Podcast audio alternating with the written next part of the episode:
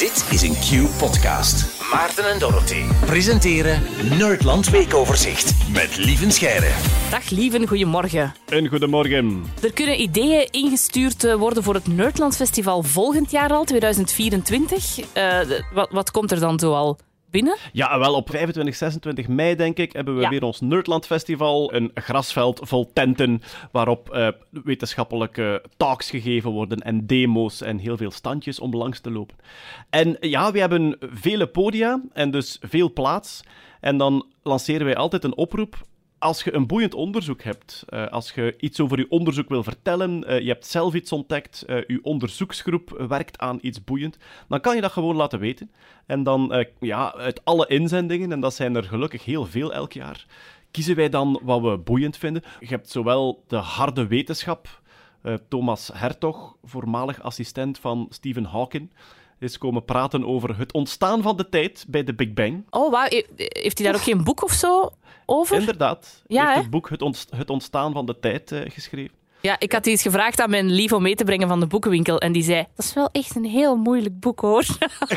die onderschatte mij al direct. Hij heeft hem het dan niet gekocht. Wat? Ja, hij heeft het wel gekocht, Ah, maar ik kwam ermee thuis en hij zei, dat is wel moeilijk hoor. Ik zei, ja, lieve Scheiden heeft dat eens aangeraden, ik ben nu wel benieuwd. Het is al een tijdje Ja, geleden ja. wel eens hebben aangeraden. Wat ik zo grappig vind aan dat Nerdland Festival, eh, je vraagt dan ideeën voor talks en wie wil zich aanbieden en zo. En, en daar, dat is zo'n mega interessant affiche. En ik kom daar dan toe en mijn kinderen wilden dan gewoon twee uur lang met de Lego spelen daar. En dan denk ik, ja, echt waar. Misschien moeten we een Lego-crash eh, installeren. Dus Ja. dat, je, dat je je kinderen onder begeleiding kunt achterlaten en Dat dan is een kun goed naar idee. die, naar die dingen gaan Dat is kijken. mijn voorstel. Dat is dan het idee dat wij Ja, insturen ja, voor dat het is het idee. Nerdland Ah, Festival. super. Ja.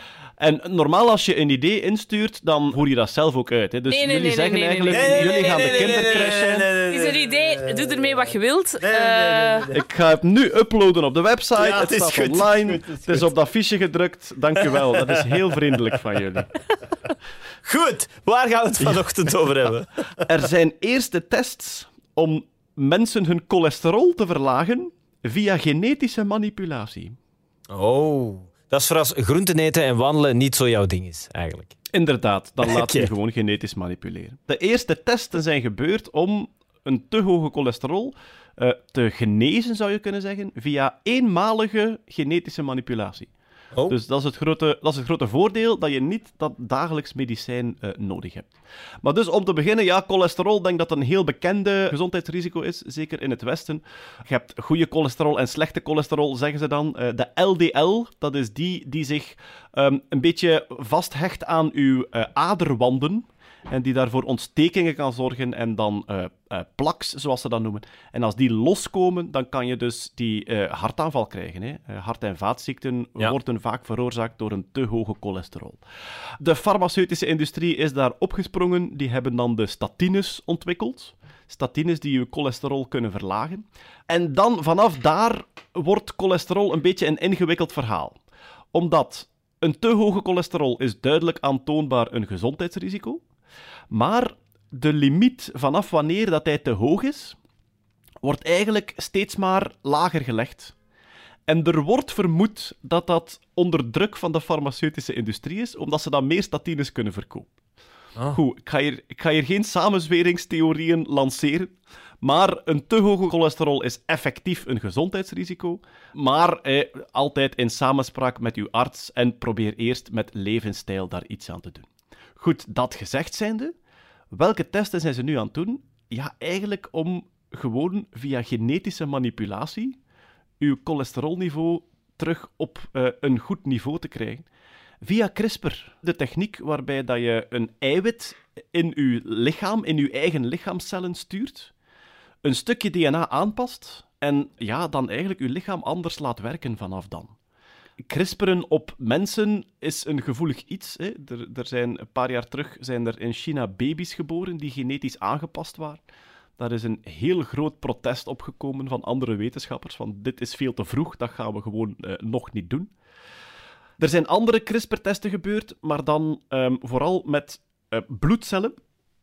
Dus wat ze dan deden was eh, rode en witte bloedcellen uit het lichaam halen, Ah, die via CRISPR genetisch manipuleren in het laboratorium en die dan terug injecteren. oké. Dat voelt een stuk veiliger dan uzelf genetisch laten manipuleren. Maar nu zijn effectief de eerste testen gebeurd waarbij ze die CRISPR-technologie tot in uw lichaam brengen. En wat ze eigenlijk doen is, ze passen het DNA aan van een eiwit dat cholesterol moet afbreken. Waardoor dat je dan eh, minder cholesterol in je bloed hebt. Maar hoe krijg je dat dan in je lichaam? Is dat dan een pil of een spuit of zo? Dat is een injectie, ja, inderdaad. Ah, ja.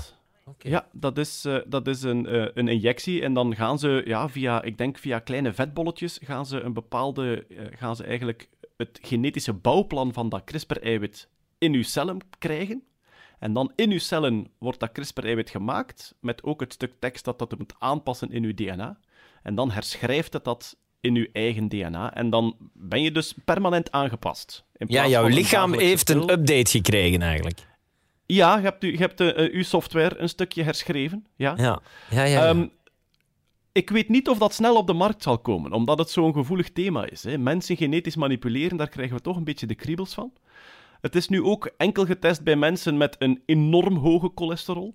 Eh, je, kan, je kan gewoon door genetische pech, kan je familiaal een te hoge cholesterol hebben. Dat is je lichaam dat dat aanmaakt. En dan mag je nog doen qua voeding en beweging wat je wil. Dat zal altijd te hoog blijven. En het zijn die mensen die ze nu ehm, proberen behandelen in die eerste test. Het is een eerste test, hè, dus dat wil zeggen dat eh, tussen dit moment en het moment dat dat echt een goedgekeurd veilig medicijn is, gaan er nog jaren voorbij gaan. Maar het is wel, denk ik, de eerste keer dat er CRISPR toegepast wordt in het mensenlichaam. Dus dat er echt een stuk DNA herschreven wordt eh, in het lichaam van een mens zelf. ja, dat is eh, ja, raar. Hè? Dan weet je niet waar we gaan eindigen. Hè? Als we binnenkort onszelf helemaal gaan kunnen aanpassen. Het is, oh ja, bij cholesterol zou je denken, allee, ja, dat is toch goed, dat is toch gemakkelijk. Maar ja, ja waar eindigt het? Ik wil blonde en- haren en dan spuit je dat in en dan na een paar weken begin, begin je zo blond haar te krijgen. Dat soort dingen. Ik denk dat het technisch kan, ja. Ja, ja. Ik denk dat het, dat het technisch kan, ja. Ja, wie weet is dat minder schadelijk dan heel die tijd je bruin haar ontkleuren. Allee, het zou kunnen, hè. Misschien is dat echt Wie de weet, toekomst, hè? Echt je lichaam gewoon eh, ja, aanpassen. Supercool. Maar ik ben enorm benieuwd hoe dat we hiermee gaan, gaan omgaan. Zo. Dus eh, ik hoop toch nog eh 40 jaar te leven. En ehm, ik ben heel benieuwd over 40 jaar ja, wat we daarmee gedaan hebben. Gaan we ons vergalopperen? Gaan we dingen te snel proberen en gaat het mislopen? Of gaan we heel rustig opbouwen en wordt dat na een tijdje iets, iets doodnormaal, zoals dat we nu andere behandelingen hebben? Ah, wel, maar dat lijkt me heel interessant. We bellen over 40 jaar nog eens en dan Ja. babbelen we een beetje bij. Doen we. Ah, dat is goed. Eh, Leg ik al een momentje vast in de Ah, wel, agenda? hè, eh, plan al iets in. Ja. En sowieso ook heel graag tot volgende week dinsdag. Salut, lieve. Ah, wel, we zullen dan verder afspreken. Kijk goed, salut. Tada. Yo. Dit was een podcast van Q-Music. Wil je meer? Wil je meer? Kijk op qmusic.be.